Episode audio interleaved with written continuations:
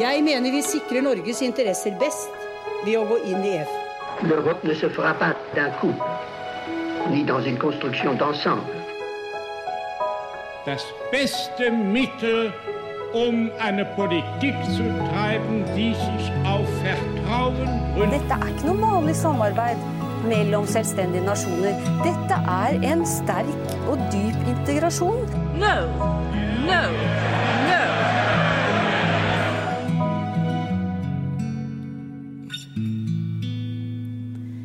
Velkommen til Det europeiske kvarter, en podkast om europeisk politikk og historie med Lise Rye og meg, Kristine Graneng, fra programmet for europastudier på NTNU. Og det her er første episode i femte sesong av podkasten, og da er det jo ekstra stas å kunne starte det her på Litteraturhuset i Trondheim, og med så fint publikum. Det er litt uvant for oss som vanligvis sitter oppe i et lite studio på Dragvoll, men veldig, veldig hyggelig å se så mange. Vi, vi drev jo tenkt hva, hva, vi skulle starte ned sesongen med, Lise. Og da endte vi opp med, med det store spørsmålet hva er EU i dag? Og man skulle jo tro at vi eh, hadde blitt litt bedre på å, på å snevre inn problemstillinga etter så mange år på universitetet, men nei da. Nei da, vi syns at det var et godt spørsmål. Nå, er det, ja, nå er vi snart ett år ut i Russland sitt angrep på Ukraina. Det har vært 15 år med mer og mindre kontinuerlig krisebehandling i EU. Det har vært kriser av mange ulike slag. Og vi tenkte at det var et godt tidspunkt å ta opp status og spørre hva er EU i dag? Hvordan har disse krisene påvirka EU-samarbeidet? Har det styrka EU? Har det svekka EU? Hvor står vi nå? Mm.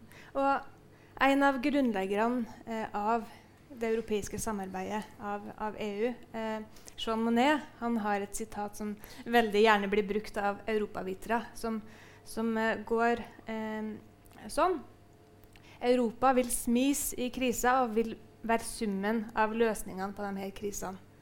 Og det, det syns vi er et godt sitat å ha med oss, Lise. Vi syns det er et kjempegodt sitat. Fordi det er et sitat som tydeliggjør at den europeiske integrasjonen det er ikke en utvikling mot et på forhånd satt mål. EU er et samarbeid. Det er en plattform hvor land kommer sammen i et forsøk på å finne felleseuropeiske løsninger på mer og mindre felles problem. Noen ganger lykkes de, noen ganger lykkes de ikke. Mm. Så det er jo meg det store, store, bildet for hvorfor vi tenker at det er viktig å, å se på det her. Eh, men det er også litt mer nære årsaker til at vi syns det er viktig. Forrige uke så satt jeg på bussen eh, og så leste nyheter på telefonen. Og så kom jeg over en sak på NRK som handla om EU sitt plastposedirektiv. Og jeg ble litt uh, frustrert. Litt provosert. Ja, du ble det. Mm. Og det handler om uh, ganske mange ting, egentlig. Og vi skal ikke gå inn i, inn i alt det her. Men, men, det er to ting som jeg, jeg tenker er viktig. Og det er at EU-debatten i Norge og, og også dekninga av eh, EU, EU, sin politikk eh, ofte har en tendens til å bli litt smal. Det, det dreier seg om, seg om de små tingene, enten det er plastposedirektiv eller eh, bunader så, så, dreier det seg fort om, om de små eh, tingene, og, og, det er ikke så Og kanskje henger vi også litt igjen i situasjonen som råda den gangen Norge sist tok stilling til EU-medlemskap. Eh, kanskje har vi ikke tatt godt nok inn over oss vil de endringene som har skjedd i EU siden den gangen. Det, det, det, er vi litt usikre på. Vi har uansett lyst til å rette søkelyset mot noen av dem. Mm. Vi liker jo å å gå tilbake i tid når vi eh, ser nærmere på, på, europeisk politikk. Og det skal vi starte med her også. For når vi spør hva EU er i dag, så er det jo naturlig å ha noen ting å sammenligne med. Og da tenker vi at det er greit å gå tilbake 30 år i tid, til 93. Og hvorfor det? Ja, nei, i, i år så er det faktisk 30 år siden EU ble EU. Uh, før 1993 så heita det jo Det europeiske fellesskapet, men i 1993 så bytta det altså navn til Den europeiske unionen. Og det var jo ikke bare et uh, navnebytte, det var jo en anledning hvor man fylte på med ny politikk, hvor man fylte samarbeidet med nytt innhold, litt av litt flere grunner. På bildet her så ser vi at, at EU markerer veldig tydelig det her 30-årsjubileet for det indre marked i år. Mm. Um, Det er jo det markedet som vi er en del av, vi her i Norge, gjennom EØS-avtalen, som vi har vært en del av nå i 29 år, siden 1994. Mm. så med, med Den europeiske union, med Maastricht-traktaten som ble vedtatt i 92, som tredde kraft i 93, så, så ble jo EU utvida til å omfatte nye politikkområder. Eh, en, vi fikk en felles utenriks- og sikkerhetspolitikk og en felles eh, justis- og innenrikspolitikk i, i EU. Og, og som ne- nevner Lise, så er det flere grunner til det. Ja, altså Dels så var jo 1993 avslutninga på noe, og dels var det begynnelsen på noe nytt. For på den ene sida så var jo 1993 det året da EU fullførte det som hadde vært 1980-tallet sitt store prosjekt. Altså det å bygge et felleseuropeisk marked. Det hadde vært det som EU-landene hadde konsentrert seg om egentlig fra starten av, men særlig fra 1985 og frem til 1983. Da handla nesten alt i EU om å bygge ett marked, om å bygge ned grensene mellom land, sånn at man kunne ha fri bevegelse. Eh, og det var jo det man skulle gå videre på eh, i 1993 med en økonomisk og monetær union.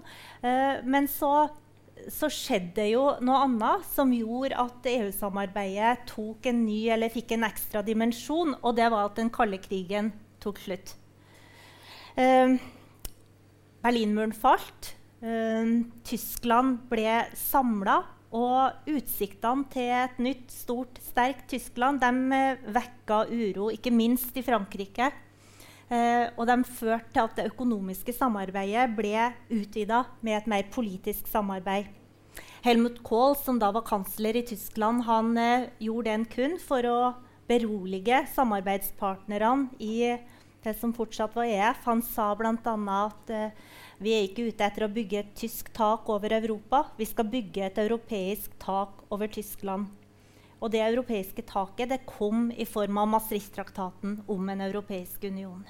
Så man, man fikk en ny retning for en ny tid, rett og slett. Men, men her, denne retninga måtte jo fylles med innhold etter hvert. Det, det var jo litt samarbeid på de her områdene, men ikke særlig mye. Og det skal vi se litt mer på etter hvert, hva som har skjedd siden da. Men først så skal vi fremdeles holde oss litt på 90-tallet. Eh, for 90-tallet var jo et tid prega av veldig sterk fremtidsoptimisme. Vi hadde en slags hellig treenighet, hvis man kan kalle det det, i internasjonal politikk, iallfall i Vesten. Man hadde en veldig sterk tro på det liberale demokratiet.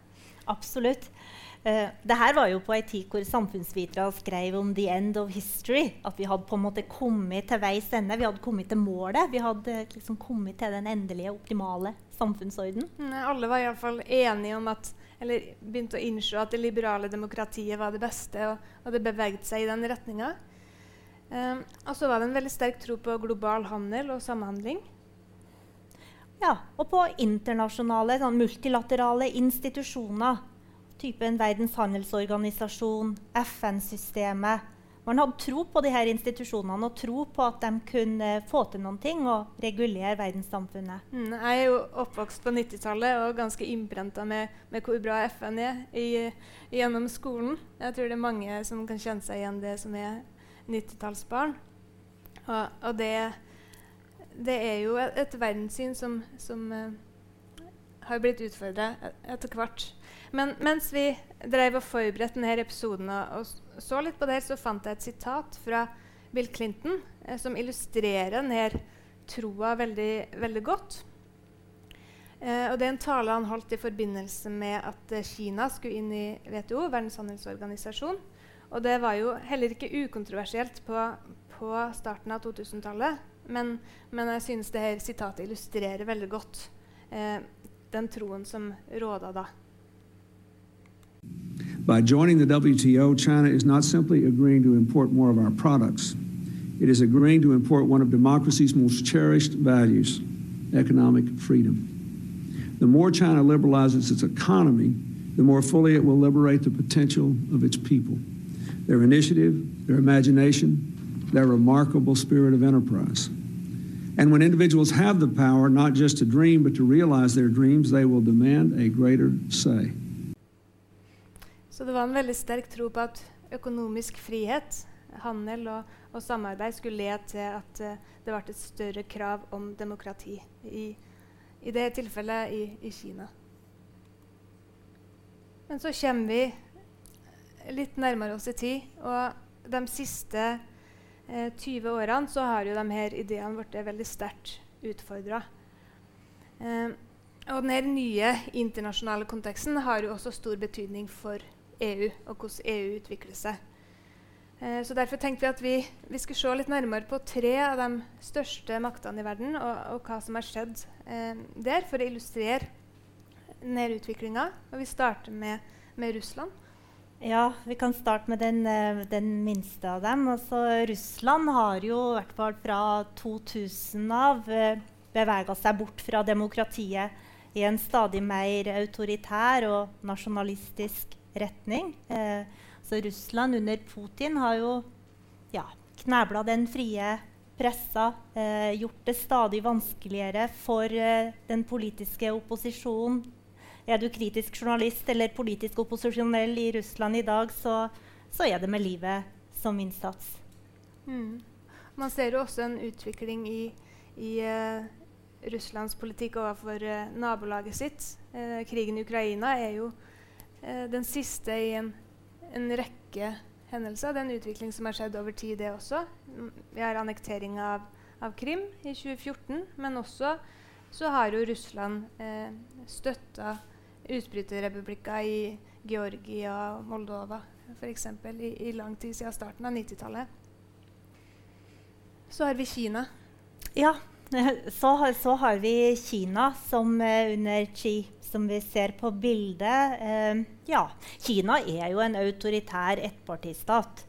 Eh, Kina er en, eh, et autoritært regime som har blitt en økonomisk stormakt. Kina er verdens nest største økonomi. Kina er i ferd med å bli en betydelig militærmakt. Og Kina fører i dag en langt mer offensiv og selvhevdende utenrikspolitikk enn eh, Kina har gjort uh, tidligere. Det har brakt Kina på kollisjonskurs med USA eh, i handelspolitikken. Og Kina og USA er jo, som vi vet, uenige, ikke minst i spørsmålet om Taiwan.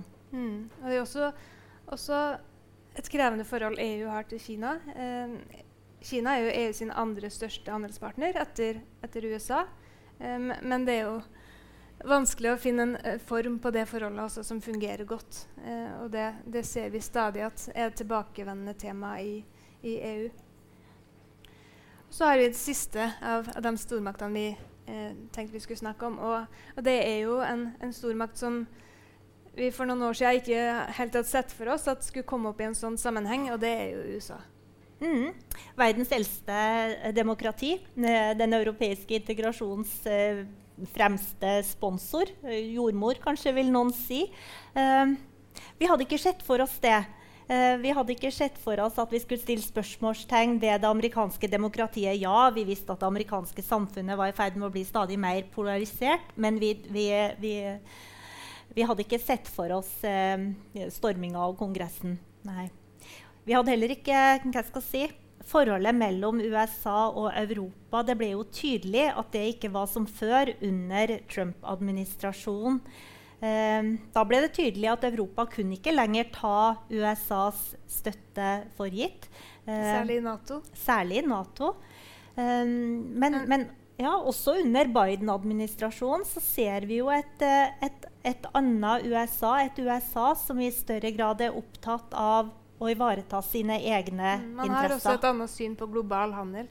Det, den uh, Inflation Reduction Act er jo et godt eksempel på det, som også skaper stor bekymring i EU for at, at det skal trekke industri, næringsliv, fra, fra, Europa til USA. Og Det skal vi også komme litt tilbake til etter hvert, Lise, hvordan det, det påvirker EU direkte.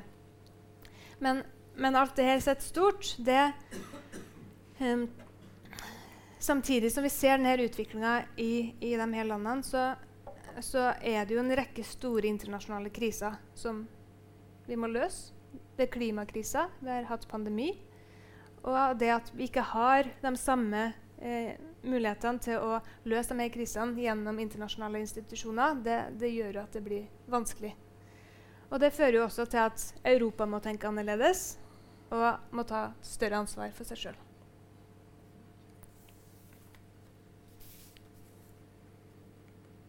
Men det her, det, det, var det internasjonale bakteppet. Og det er jo ikke bare det EU må forholde seg til. EU må jo også forholde seg til utvikling internt. Og som vi var innom innledningsvis, så har jo også EU måttet stått overfor en rekke kriser de siste 10-15-20 mm. åra.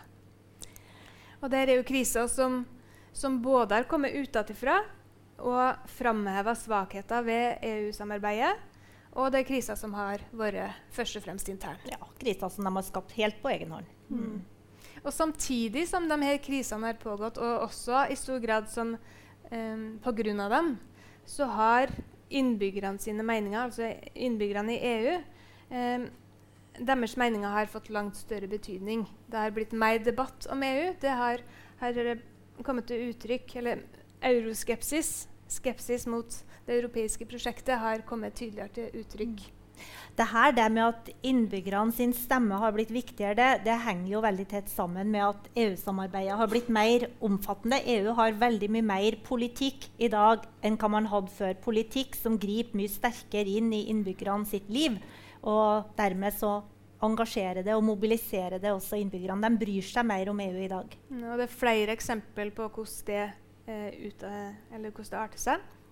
Et eksempel ser vi på bildet eh, vi har her. Det er fra da Iran stemte over Lisboa-traktaten i 2008. Da stemte de nei til den i første omgang, før de stemte ja året etter. Eh, men det er også andre eksempel, bl.a. at høyrepopulistiske partier, også euroskeptiske partier mer, eller EU-skeptiske partier mer generelt, har, har eh, fått mer støtte i Europaparlamentet. Så vi tenkte vi tenkt vi skulle snakke om, om de her krisene og, og, hvordan EUs håndtering av dem har hatt betydning for denne oppslutninga mm. om EU, og så har hatt betydning for utviklinga i EU mer generelt. Og Den første i denne rekka av kriser det er jo eurokrisa. Ja. Uh, det som starta som ei finanskrise i USA og ganske raskt kom til, kom til Europa og utvikla seg til en krise som fikk mange dimensjoner. Det ble ei gjeldskrise, det ble ei politisk krise i mange land. Det ble ikke minst ei djup sosial krise. Og vi vil vel også si at det var ei krise for demokratiet. Mm. Men, men, det som merktes mest, var jo den sosiale krisa. Vi hadde jo en situasjon der det var ufattelig høy arbeidsledighet. I Spania var det en arbeidsledighet på, på rundt 50% blant unge. Det er jo ganske Det er jo hårreisende. Og, og dette er jo et eksempel på en krise som EU ikke håndterte, ikke evna å håndtere eh, på noen god måte. Det, det var òg en krise som trakk et nytt skille i Europa. Vi har vært vant til å tenke på Øst- og Vest-Europa, men eh, krisa i eurosonen trakk et nytt skille eh, som grovt sett gikk mellom nord og sør. Og den skapte et bilde av økonomisk ansvarlige land i nord og uansvarlige land i sør som eh, brukte mer penger enn de hadde, og som eh, opptrådte uredelig i møte med EU-systemet. Mm. Bildet vi har her, det er fra fra Hellas, som, som var det landet som eh, aller tydeligst eh, ja, ja, det var, det var, Hellas som juksa med tallene. Ja, ja. Som, hva skal vi si? Det var, det, var, jo dem som sto aller tydeligst for den gjeldskrisa. Um, det land hadde pådratt seg veldig stor statsgjeld. Men det bildet der Kristine, det er jo fra 2015, og det sier jo litt om hvor lang tid denne håndteringa tok. For da hadde jo den krisa pågått i mange år allerede. Ja, det gjør det. Og her, eh, det her var tatt i forbindelse med en demonstrasjon mot um, i forbindelse med en folkeavstemning de hadde i Hellas om vilkårene som fulgte med noen støttepakka de fikk fra, fra Det internasjonale, internasjonale pengefondet, uh, Den europeiske sentralbanken og, e og, EU. Og det er et eksempel på hvordan denne krisa førte ganske stor misnøye blant folk retta mot EU. så var det nå ganske hardhendt, den håndteringa av de kriseramma landene de fikk. Hjelp, ja, men vilkårene for hjelp var ganske, ganske tøffe. Eh, innebar betydelige kutt i offentlige utgifter, reallønnsnedgang osv. Det var en krise som, eh, som ramma eh, innbyggerne hardt. Men også på den andre sida, det var jo ikke bare grekerne som demonstrerte. Det var jo også ve veldig stor misnøye blant, uh, i land som, som fungerte som uh, Kreditorland. Ja. Mm. Uh, Tyskland, f.eks. Uh, Alternativet for, for, Deutschland, Alternativet for Tyskland, de ble jo oppretta som en respons på eurokrisa. Så vi kan vel si at dette er en krise altså, som, Håndteringa av denne krisa den er ikke noe uttrykk for noen sterk europeisk solidaritet på noen måte. Det er ikke noe uttrykk for noen vellykka håndtering. Den tar lang tid, den rammer hardt, den splitter mer enn den samler. Ikke, vi, vi, kommer ikke på noe særlig bra å si om den. Nei, men det Nei. som er interessant, det er at når man ser på oppslutninga om euroen i dag, så er jo den ganske høy jevnt over. Og man har også eksempel på medlemsland som har blitt med i euroen etter eurokrisa. Eh, nå Sist så ble Kroatia med ved årsskiftet. Innført euroen. Og det sier jo også litt om at man har jo tro på at euroen er god politikk. Selv om, selv om eh, ikke alt eh, er så bra. Vi skal over på den neste krisa, og den kom jo noen år etter, uh, men var ganske lik eurokrisa på den måten at det var noe som kom utenfra og framheva eh, svakheter ved EU sin politikk. og da snakker vi om flyktningkrisa, mm. som, som viste ja, som sagt, svakheter ved EU sin asylpolitikk. Ja, den gjorde det. fordi at EU hadde jo en asylpolitikk. EU hadde jo en politikk som sa at asylsøknader skulle behandles i det første ankomstlandet. Eh, og ganske lenge før dette bildet er tatt, det tror jeg er fra 2015, det også, så hadde land, kyststater sør i Europa vært under et veldig press i mange, mange år. Så helt fra, Særlig fra den arabiske våren i 2011. Altså et... Eh, ja, et land som Malta, da, som er et bitte lite land med noe, en halv million innbyggere. Fra 2010 til 2011 så, oppnå, så opplevde de en økning i antall asylsøknader på 1221 Det er helt enormt for et uh, lite land å skulle håndtere det. Også et større land som Italia opplevde en økning på 240% hvis vi ser på EU under ett det samme året, så var økninga bare på 15% og Det sier noen ting om hvor ulikt byrdene ble fordelt. Så det var en politikk som ikke tålte virkeligheten, som ikke tålte møtet med en ny virkelighet med store flyktningstrømmer over Middelhavet. Og igjen så får du et skille i EU, eh, men, men, et litt annerledes skille enn under eurokrisa. Her får man et skille mellom de mer mottakerlandene, de som grenser mot Middelhavet, eh, og, og, resten. Men, men etter hvert som som krisa utvikler seg, og, og, man ser til EU for å finne løsninger, så utvikler det seg enda et nytt skille, enda en ny konflikt i EU som går eh, mellom de landene som ønsker å, å ta imot flere flyktninger og, eh, og, ta, og, lette på byrden til de her landene i sør. Og de landene som sier at nei, det er ikke aktuelt å delta i en sånn felles europeisk omfordelingspolitikk. Og på den ene sida har du jo Tyskland med Angela Merkel som sier 'vi schaffen das'. Og på den andre sida Ungarn og, og Polen som, som, stiller seg veldig sterkt imot en sånn ja. eh, omfordelingspolitikk. Så vi, vi, har kanskje ikke så mye bra å si om denne krisehåndteringa heller. Nei, og vi, hvis vi går nærmere oss i tid igjen, så er det fremdeles ikke noen veldig gode løsninger. Iallfall ikke noen veldig solidariske løsninger på på denne krisen. I stedet for å håndtere det internt i Europa, så har man um, um, Man har eksportert pro problemet. Ja, man har det. Mm. Man prøver å sende flyktninger ut, eller man, man bygger um, murer og, ja. og satse på mer beskyttelse av grensene. Og du så et eksempel på det sist i dag. Eh, ja, jeg hørte på radioen i dag, for i dag har det vært møte mellom EU sine justisministre, og da bed Østerrike om at EU måtte finansiere et gjerde på grensa mellom Tyrkia og Bulgaria. Så det her er et, er et, eksempel på en krise som EU ikke har lyktes i å håndtere på noen god måte. Man har ikke klart å utvikle en felles europeisk politikk. Det er stor avstand mellom de europeiske landene, og man har altså prøvd å ja, kjøpe seg ut av det gjennom avtaler à la den man har med, med Tyrkia. Mm. Så eurokrisa og flyktningkrisa er ganske like. Men den neste krisa som, som, treffer EU, den er litt annerledes. Og det handler både om at den er intern, og at den eh, ikke setter EU i så veldig i like dårlig lys som den forrige. Nei, dette var en krise som Storbritannia har skapt helt, helt, på egen hånd. Mm. her bildet det er et eh, bilde jeg tok da jeg var i Oxford i 2019. Eh, og det er jo litt um, det her var jo fremdeles mens forhandlingene om om hva som skulle skje etter at eh, Storbritannia gikk ut, pågikk. Eh, jeg tror det var samme dag som det var valg til Europaparlamentet i Storbritannia. Det var jo også litt spesielt. Men hvis vi går, også, hvis vi går litt tilbake i tid, eh, her også, Lise, så, så, har jo Storbritannia hatt et komplisert forhold til EU. Ja, ja. Det, det, er alltid lett å være etterpåklok, men hvis man da skulle peke på ett land som kanskje hadde størst sannsynlighet for å forlate unionen, så hadde sikkert mange pekt på Storbritannia. Storbritannia. Så Storbritannia har et mer komplisert forhold til EU enn det Norge har hatt. Alltid vært litt, sånn, eh, litt motvillig. Alltid hatt uh, sterk interesse av noen politikkområder og vært veldig motstander av andre. Så ofte vært litt på kant med, med flertallet av EU-landene. Mm.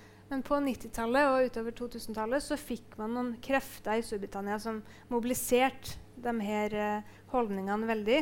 Og da tenker jeg jo selv på UKIP og Nigel Farage.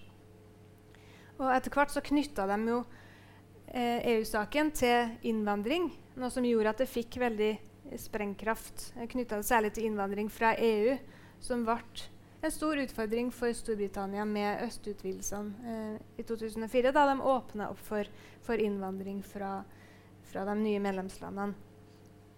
Og der ble det igjen et problem for det konservative partiet.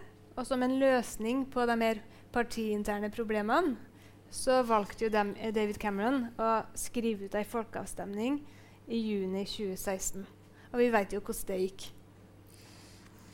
Ja, eh, det gjør vi. Eh, Eh, vi vet òg at eh, det gikk et sånt skille mellom uh, unge og eldre innbyggere. De unge ville gjerne bli i EU, de eldre ville ut. Vi vet hva som var de viktigste argumentene. Man ønska å ta tilbake kontroll med innvandring og med, med lovgivning.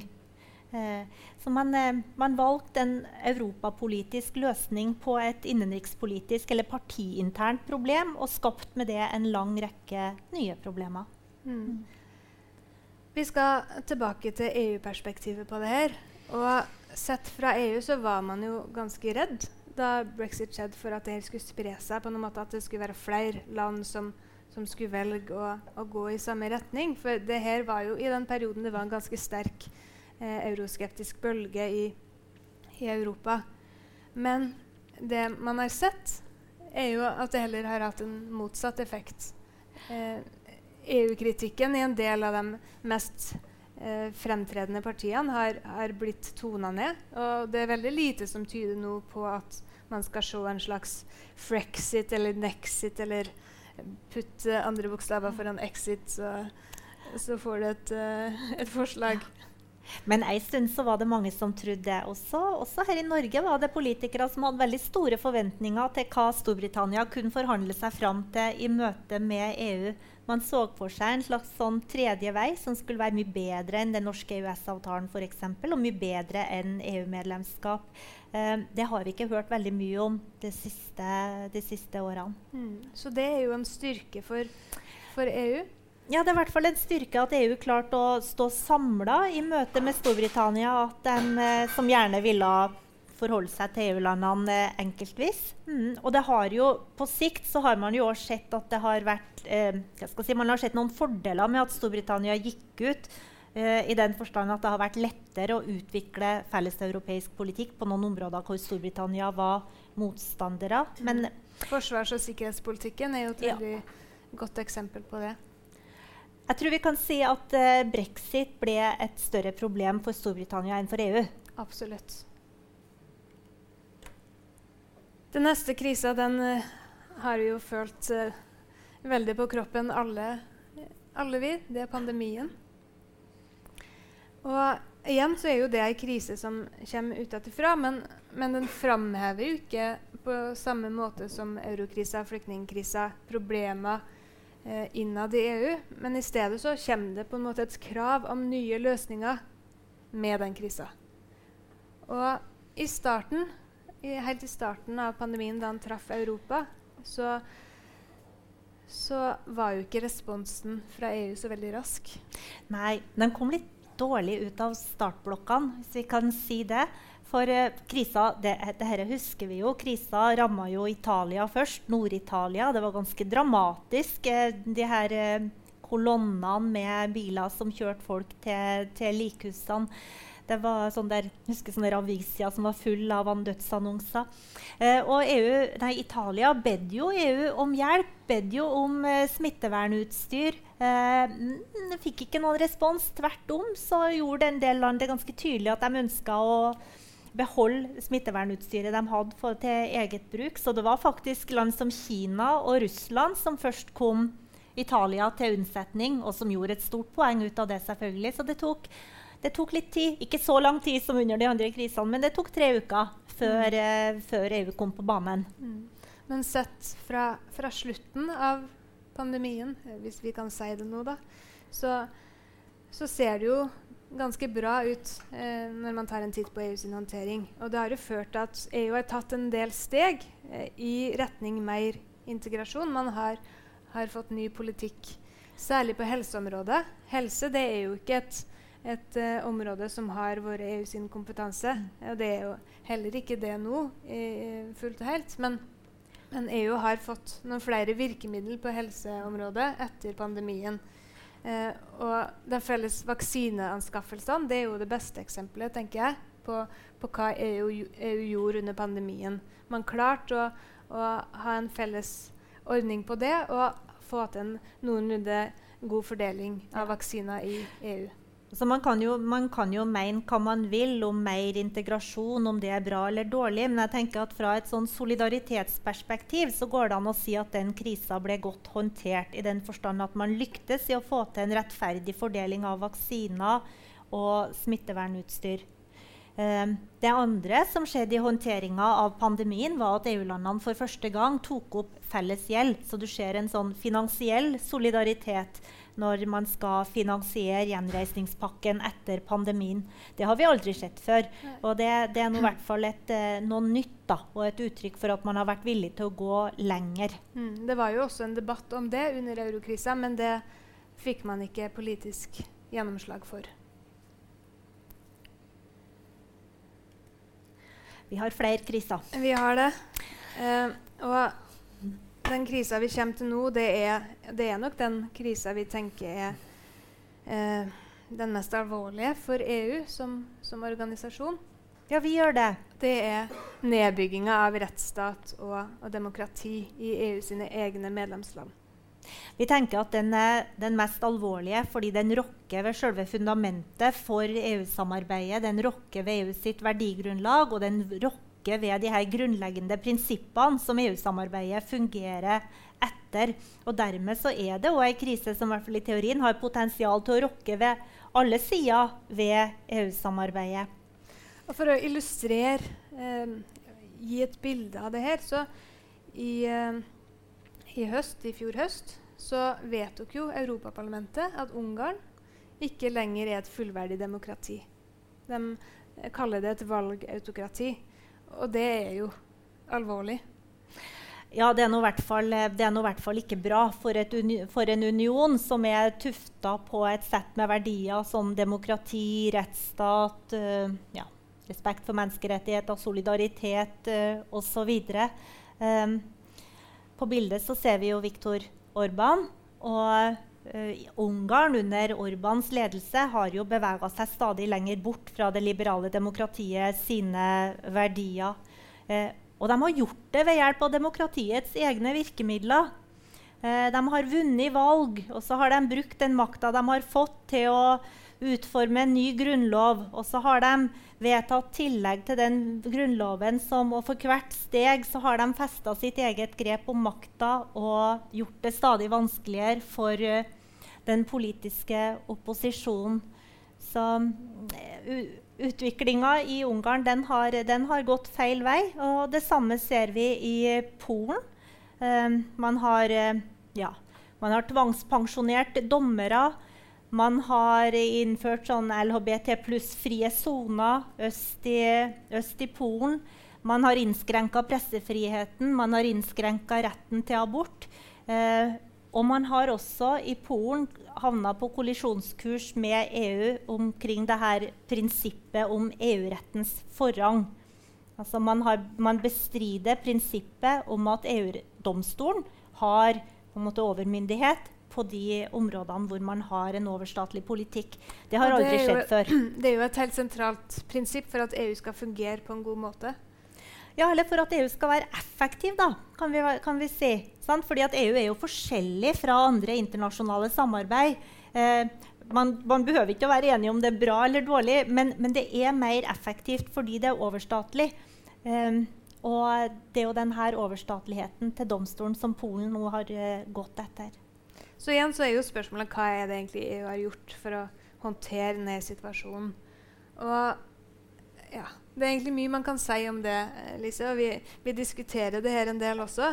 Um, for det, det, er på en måte to ting som, som, er viktige her. Det første er jo spørsmålet om EU har de riktige verktøyene for å håndtere situasjonen.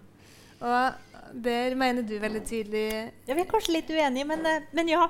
Jeg mener at EU har jo ikke hatt verktøy for å håndtere situasjonen. Og det handler litt om det vi sa innledningsvis, at man var så optimistisk på begynnelsen på 1990-tallet og fremover. Man kunne liksom ikke se for seg at land skulle ønske noe annet enn å få komme inn i EU. Enn å få være en del av det indre marked.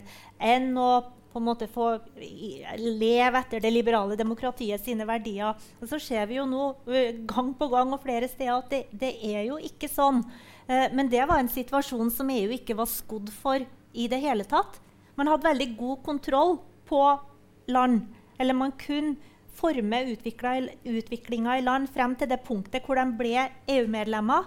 Eh, men i det øyeblikket de ble EU-medlemmer, så kunne de seile sin egen sjø uten at man hadde noe å gripe til når, når det gikk den andre veien. Mm, da hadde man på en måte tatt bort gulroten? Ja. Så det er jo en utfordring som EU har jobba med over veldig mange år nå.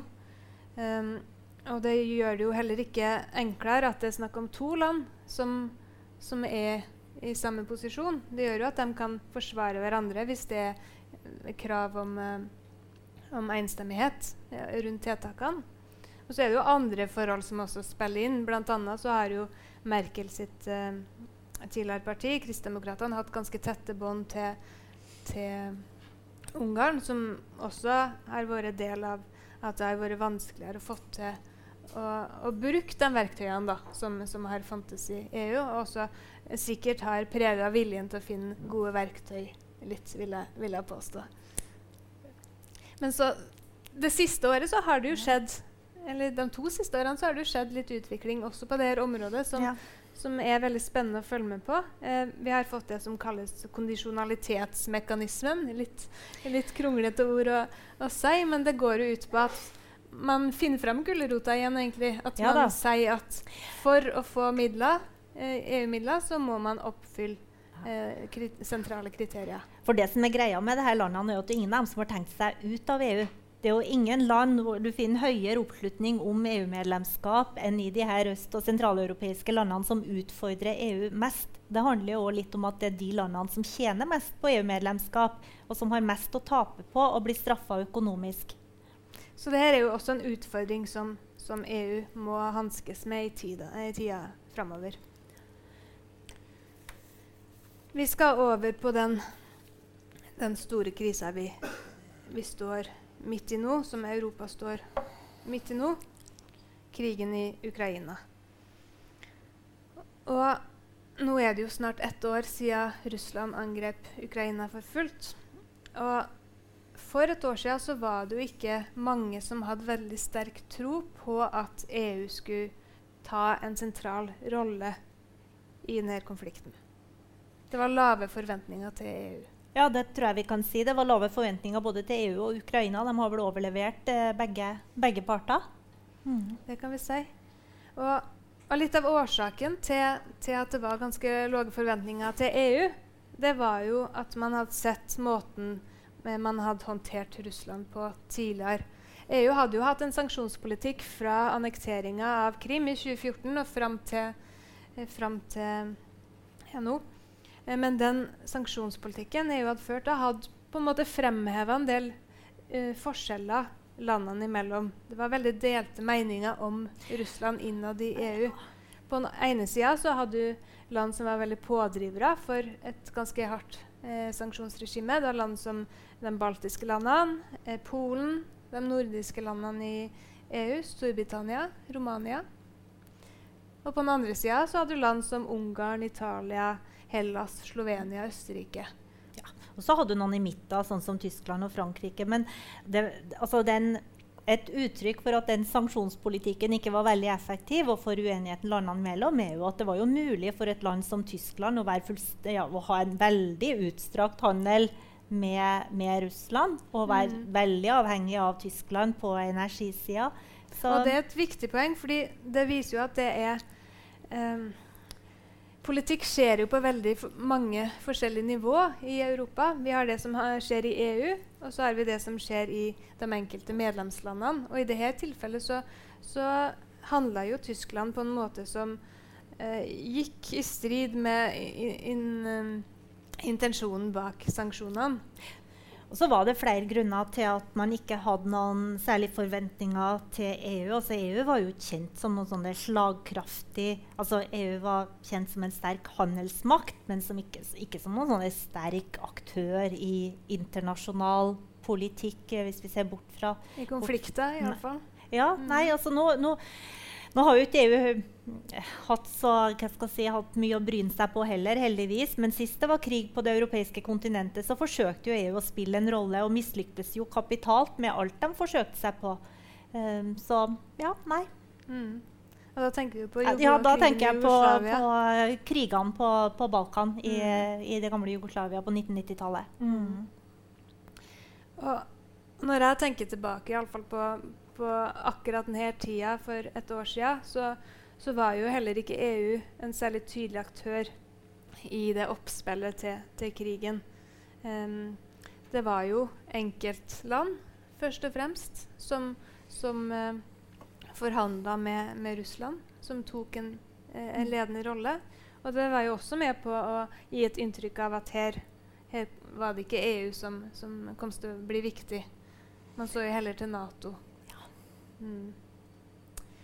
Så da var det jo ganske overraskende da, da krigen eh, brøt ut. Da Russland gikk inn i Ukraina, og, og EU handla veldig raskt og tok i bruk eh, ganske sterke virkemiddel. Iallfall hvis man sammenligner hva e, med hva EU har gjort tidligere. Gamle og nye. Eh, frem til nå så har vel EU vedtatt ni sanksjonspakker eh, mot Russland og ganske mye kraftigere økonomiske sanksjoner enn dem de pusla med tidligere. Og det er jo et sånn tradisjonelt virkemiddel som EU har gjort bruk av i, i, mange, i mange, situasjoner. Men med, i, under eh, Ukraina-krigen så har jo EU for første gang tatt i bruk nye virkemiddel. Og ett av dem er at de har gitt eh, kollektiv midlertidig beskyttelse til flyktninger fra Ukraina. Og det er jo en politikk som EU, eller et verktøy som EU har hatt i, i kassen sin helt siden starten av 2000-tallet, men ikke tatt i bruk før nå. Mm. Og så har du militærstøtte. Uh, det har heller ikke skjedd før at EU som union eller EU som fellesskap da har gitt militær bistand. Ja, har gitt støtte til våpen. Våpenstøtte. Mm. Mm. Det skjedde også uh, raskt etter at Russland gikk inn i Ukraina. Det er bare snakk om dager. Det skiller seg jo også fra, fra en del av de krisene vi har snakka om før. Så, så, kan man jo spørre seg går, går de her tiltakene EU har truffet, går de langt nok? Og det er jo litt vanskelig å vurdere. Er det, er det her bare en, en slags felles minste, uh, minsteløsning man har kommet fram til, eller kunne man potensielt gått lenger? Det kunne man helt sikkert. Men det vi ser, er vel i alle fall at EU sin respons den utvikler seg i takt med utviklinga i Ukraina. Man gir sikkert ikke så mye som Ukraina skulle ha ønska, men man gir i hvert fall stadig mer. Og man gir, eh, man gir jo angrepsvåpen. Eh, bare det er jo en, eh, en, en ny utvikling. Mm. Vi har et bilde til her, og det er fra da Ursula von der Leyen, kommisjonspresidenten, holdt sin State of the Union-tale i, i, september i fjor. Og eh, Olena Zelenska var til stede i salen da.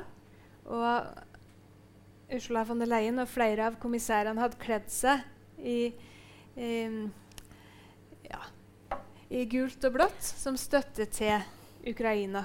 Så veldig, det er et bilde som gir veldig eh, det gir veldig signal om at EU står samla bak Ukraina. Den levna ikke noen tvil om hvor de sto. Nei, absolutt si. ikke. Mm. Men spørsmålet vårt er jo er, er det her samholdet så sterkt som det ser ut som på dette bildet? Eller er det noen skyer som, som lurer i horisonten? Og det første jeg tenker på da, det er jo Ungarn. Ja, um,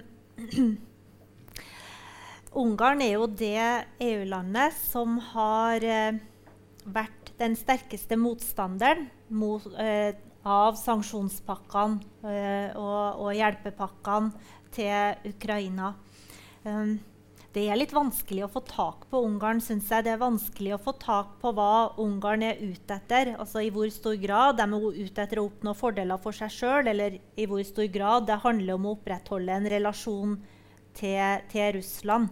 Uh, det, det, må vi nesten bare spekulere i. Men det vi vet, er jo at uh, Ungarn har fått forhandla fram ganske mange unntak fra sanksjonspakkene. Uh, samtidig så har jo da Ungarn endt opp med å, å vedta eller å godkjenne alle sanksjonspakkene, dem òg. Vi er usikre på Ungarn. Vi, ja. vi, vi vet ikke helt hvordan vi skal, vi skal tolke Ungarn i denne sammenhengen. Men det er, det er, jo et veldig tydelig spill Ungarn driver med. Før, før jul f.eks. Så, så var det snakk om at Ungarn ville legge ned veto mot en støttepakke til Ukraina. Og det ble kobla til, til denne kondisjonalitetsmekanismen og, og um, trusler om å holde tilbake penger til Ungarn. Det ordna seg på et vis før jul. Men i, i dag igjen så la seg rapporter om at Ungarn eh, vurderer å legge ned veto mot uh, militær støtte til Ukraina. En stor støttepakke. Så det er jo noe som, som uh, utspiller seg her, som, som, blir viktig å følge med på uh, i tida framover. Men det som jeg var, har vært mest bekymra for når det gjelder støtten til Ukraina, støtten til de tiltakene som EU gjør, det er jo kostnadene i, for innbyggere ved, ved, ved For innbyggerne i form av at du får uh, prisstigning, i form av at du får uh, dyr strøm. Helt klart. Du har fått en sånn ja, en, en levekårssituasjon da, for mange rundt omkring i Europa som har blitt, uh, blitt veldig krevende. Mm. Og vi vet jo det at da EU-innbyggere ble spurt i fjor sommer om hva som var de viktigste sakene for dem, så var det jo inflasjon og det var energipriser. Så, mm. så, det er viktig. Det, det, kjenner vi jo alle til. At det som ligger nært, det er viktig. Ja, Vi snakka litt om det her i dag da når vi skulle, vi skulle, forberede oss. For vi, i stort så tenker vi jo at dess vanskeligere privatøkonomisk situasjon innbyggerne får, dess mindre tilbøyelig vil de kanskje være til å sende eh, til å opprettholde støtten til Ukraina. Men samtidig så, så jo du eh, noen tall fra Storbritannia som tyder på at det kanskje ikke er så, så enkelt ja, for um, Bakgrunnen for at jeg var interessert i å se på det, det er jo at Storbritannia har store utfordringer nå økonomisk. Man, man føler eh, på konsekvensene av krigen, men også eh, andre ting. Brexit eh, hjelper jo ikke på den økonomis økonomiske situasjonen. Og jeg tenker at da er det jo eh, kanskje eh, en fare for at støtten til, til Ukraina og støtten for sanksjonene min minker men det, når man ser på tallene, hvor høy støtten er, så ser det jo ikke sånn ut. Og jeg tenker jo at det, det kan jo ha sammenheng med andre ting òg. Det er ikke bare hvordan man føler, føler det på kroppen, som, som, eh, eh, som, har betydning. Det kulturelle har jo også betydning. Eh, Storbritannia ser jo på seg sjøl som, som, en viktig utenrikspolitisk aktør. Man har kanskje større vilje for å, for å ofre, eller man synes det er, er det viktig. Med en historie for å stå opp mot autoritære, autoritære regimer. Det vet vi jo ikke, det blir jo helt uvitenskapelig. Men uh, ja, i jakta på mulige forklaringer så tenkte vi at det kunne være noen ting. Mm.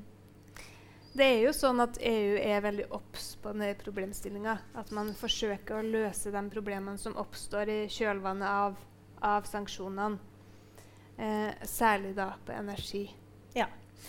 Uh, og den oppmerksomheten uh, den ser vi jo i form av mange ulike hjelpetiltak. Kontantstøtte, avgiftslette osv. Uh, det er jo en problemstilling som man absolutt er oppmerksom på. At mm. Blir det for dyrt for innbyggerne, så vil det bli vanskelig. Men de tiltakene du nevner nå, Lise, det er jo først og fremst nasjonale ja. tiltak. ikke sant? Og det er jo også en problemstilling her. Hva er det man skal gjøre på EU-nivå, og hva er det statene skal gjøre sjøl? Hva er det medlemslandene skal gjøre sjøl?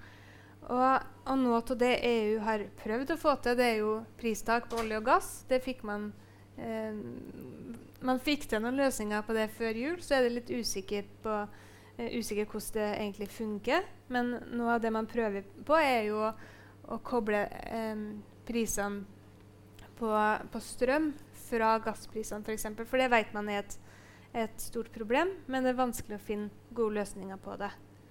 Så har man jo sånne mye mildere tiltak som felles målsettinger for energisparing, f.eks. Som, som er mye enklere å få til. Vi vet ikke helt hvordan det vil gå. Vi vet det er en utfordring. Ja. Mm -mm. Og vi, vi, vet at EU jobber med, med å ivareta de grunnleggende behovene. Nå har vi snakka en del om, om de mer akutte eh, tiltakene som, som, EU har gjort eh, som svar på, på, krigen i Ukraina.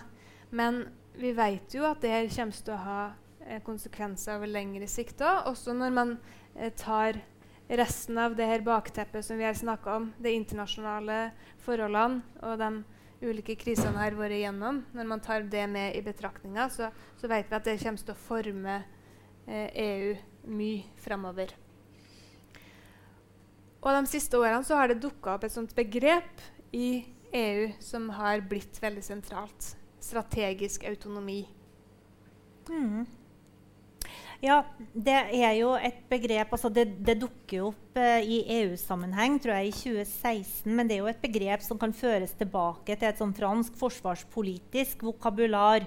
Og, og, som i sin opprinnelige betydning handla om å ha evne til å opptre selvstendig i eh, ja, utenrikspolitiske operasjoner.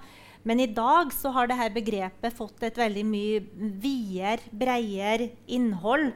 Um, det handler om å ja, det handler om matsikkerhet, det handler om tilgang på nødvendige råvarer, mineraler, eh, batterier, mikrochipper.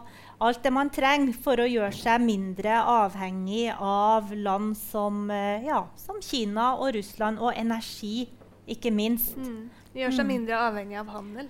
Ja, vi ser en utvikling i retning sterkere regionalisering. Eh, det, denne eh, tida for denne grenseløse optimismen og en sånn fri verdenshandel den, eh, ja, den, den eh, skal ikke si at den er over, men den er i hvert fall nedfortelling. Mm. Ja, den er sterkt svekka. Og en av de eh, diskusjonene som jeg synes er ganske interessant å følge akkurat nå, det er jo den diskusjonen som går om statsstøtte i EU. For et av de sentrale prinsippene i EU det er at man har uh, forsøkt å unngå så mye som mulig og, og åpen for statsstøtte. Og det handler jo om at man skal ha et marked der man stiller på like vilkår. Og det, det er jo en problemstilling som dukker veldig opp også når man når man kommer med forslag om at man skal åpne for mer statsstøtte, fordi det er noen land som har mye mer midler som de kan bruke på den type tiltak, mens andre eh, blir stående igjen som tapere. Mm. Og det her kommer jo som et svar på den utviklinga vi ser i USA, særlig som et direkte svar på denne Inflation Reduction Act. annet. Men det, her er vel også en sånn utvikling da, i, i, retning regionalisering. For nå ser vi at man innfører og man åpner også for statsstøtte på EU-nivå. Altså det man først hadde på statlig nivå, som, som man så fjerna med den europeiske integrasjonen, det, det, gjeninnfører man nå på europeisk nivå, og man får det i USA. Ja, men man er jeg har mine tvil om at det blir løsninga, iallfall når man ser på den debatten som går nå. Nederland har sagt at de ikke ønsker ja. en sånn løsning. Og Sverige er også veldig skeptisk. Det er ulike syn på det. Men så har du det her EU har begynt med noe ja, noe ikke så nytt lenger, men du har det som kalles sånn IPSACE, altså sånn det store eh, felleseuropeiske eller industriprosjekt av felleseuropeisk interesse, hvor man går sammen om sånne store europeiske satsinger innenfor f.eks. på batteri eller på mikroelektronikk, og nå kanskje også på helse. Og der har man nok en åpning for at man kan ha, ta i bruk statsstøtte. Mm. En annen ting, vi, en utvikling som vi ser som konsekvens av krigen i Ukraina, det er jo at spørsmålet om EU eh, e skal bli større, har dukka opp igjen. Og det tok jo ikke lang tid før, fra Russland eh, invaderte Ukraina, til, til, Ukraina sendte inn en medlemskapssøknad til EU. Og hvis vi hadde gått noen år tilbake, så hadde jo ikke det vært en særlig aktuell sak. Det har vært mye motstand mot å, å ta inn nye medlemmer i, i EU, også direkte eh, Ukraina. Men nå har det den, den debatten har jo blitt åpna igjen. Ja. ja. nei, Ukraina var jo opprinnelig et av de landene som eh, var en del av her, den europeiske naboskapspolitikken, som var en politikk som EU utforma for land som ikke skulle bli medlem av EU. Men det er klart at eh, krigen den har, den har skapt et nytt hierarki av problemer som må løses. Eh, og da er det kanskje ikke så rart at man vil eh, eh, sende et tydelig signal til Ukraina. Selv om jeg kanskje tror det tar veldig lang tid før Ukraina kan bli EU-medlem. Mm. Og Det skaper jo også en del utfordringer videre. fordi eh, EU har jo allerede ganske mange land som står i det her venterommet og, og ønsker å, å, komme inn. Og det er jo en balanse mellom å skape forhåpninger og, og, og på en måte miste noe av, eh, ja, av det eh, europeiske perspektivet til de her landene. Vi ser en utvikling i Serbia for eksempel, som ikke er særlig positiv. Så det er jo en utføring som, som, det går debatter om hvordan man skal håndtere i EU. Og et av svarene, eh, eller innspillene til den debatten, det var det som heter for eh, kalles Det europeiske politiske fellesskapet, som var et initiativ fra Macron i, i, i fjor. I fjor høst. Mm. Og som resulterte i det dere ser på bildet her, et toppmøte i Praha i oktober i fjor. Mm. Og det er jo et slags forum der de europeiske landene kan møtes. Eh, medlemslandene i EU, land som ikke ønsker å bli medlem, men som kunne ha blitt det, sånn som Norge. Og land som ikke helt kvalifiserer for medlemskap, men, men ønsker det på sikt. Og det har jo stor betydning. Tenker du ikke det, Lise? Mm. At man har et sånt forum? Ja, jeg tenker at sånne bilder sender i alle fall et signal. Det, det, det, sender et signal ut, og det sender et signal til Russland. Og det er et signal om at man, man står sammen om en del ting. da. Mm. Vi skal begynne å gå inn for landing. Det europeiske kvarteret det blir stadig lenger. Ja, vi, vi, vi, sliter med, vi, sliter med, formatet. Mm. Nei da. Uh, men hvis vi skal oppsummere, så må vi jo si det at EU er jo noe helt annet i dag enn det var for 30 år siden. Ja. Eh, EU har veldig mye mer politikk. Og EU sin politikk den er vevd sammen på en helt annen måte. Eh, noen av dere vil huske hvordan EU så ut for 30 år siden. Det var så ryddig og organisert i sånne søyler, i sånne adskilte siloer. Uh, I dag er det historie. I dag utvikler EU politikk uh, på tvers, og mye mer politikk enn før. Det kan vi absolutt si. Og, og EU tar jo større plass, både i verden og, og i egne innbyggere sitt liv. Og det mhm. har jo både eh, positive og negative konsekvenser, som, som vi har vist noen eksempel på. Ja. Vi tenker vel at det viktigste ikke er hva man tenker om EU-medlemskap her i Norge, men at man vet litt om den utviklinga som har skjedd i EU de siste årene, sånn at vi vet hva vi har med å gjøre. Og da er det mye lettere å på en måte ta stilling til hvordan man skal forholde seg til det òg. For vi må jo finne måter å forholde oss til EU på, også innafor ramma av det som ser ut til å bli en sånn permanent eh, norsk eh, tilknytningsform. Mm. For EU har forandra seg mye siden vi diskuterte sist i Norge. Absolutt. Og det kommer til å fortsette å forandre seg. Det er viktig at vi følger med på. Tusen takk for, uh, ja, for denne timen. Jeg tror det har vært den lengste episoden vi har laga. ja. ja. Takk skal dere ha. Ja.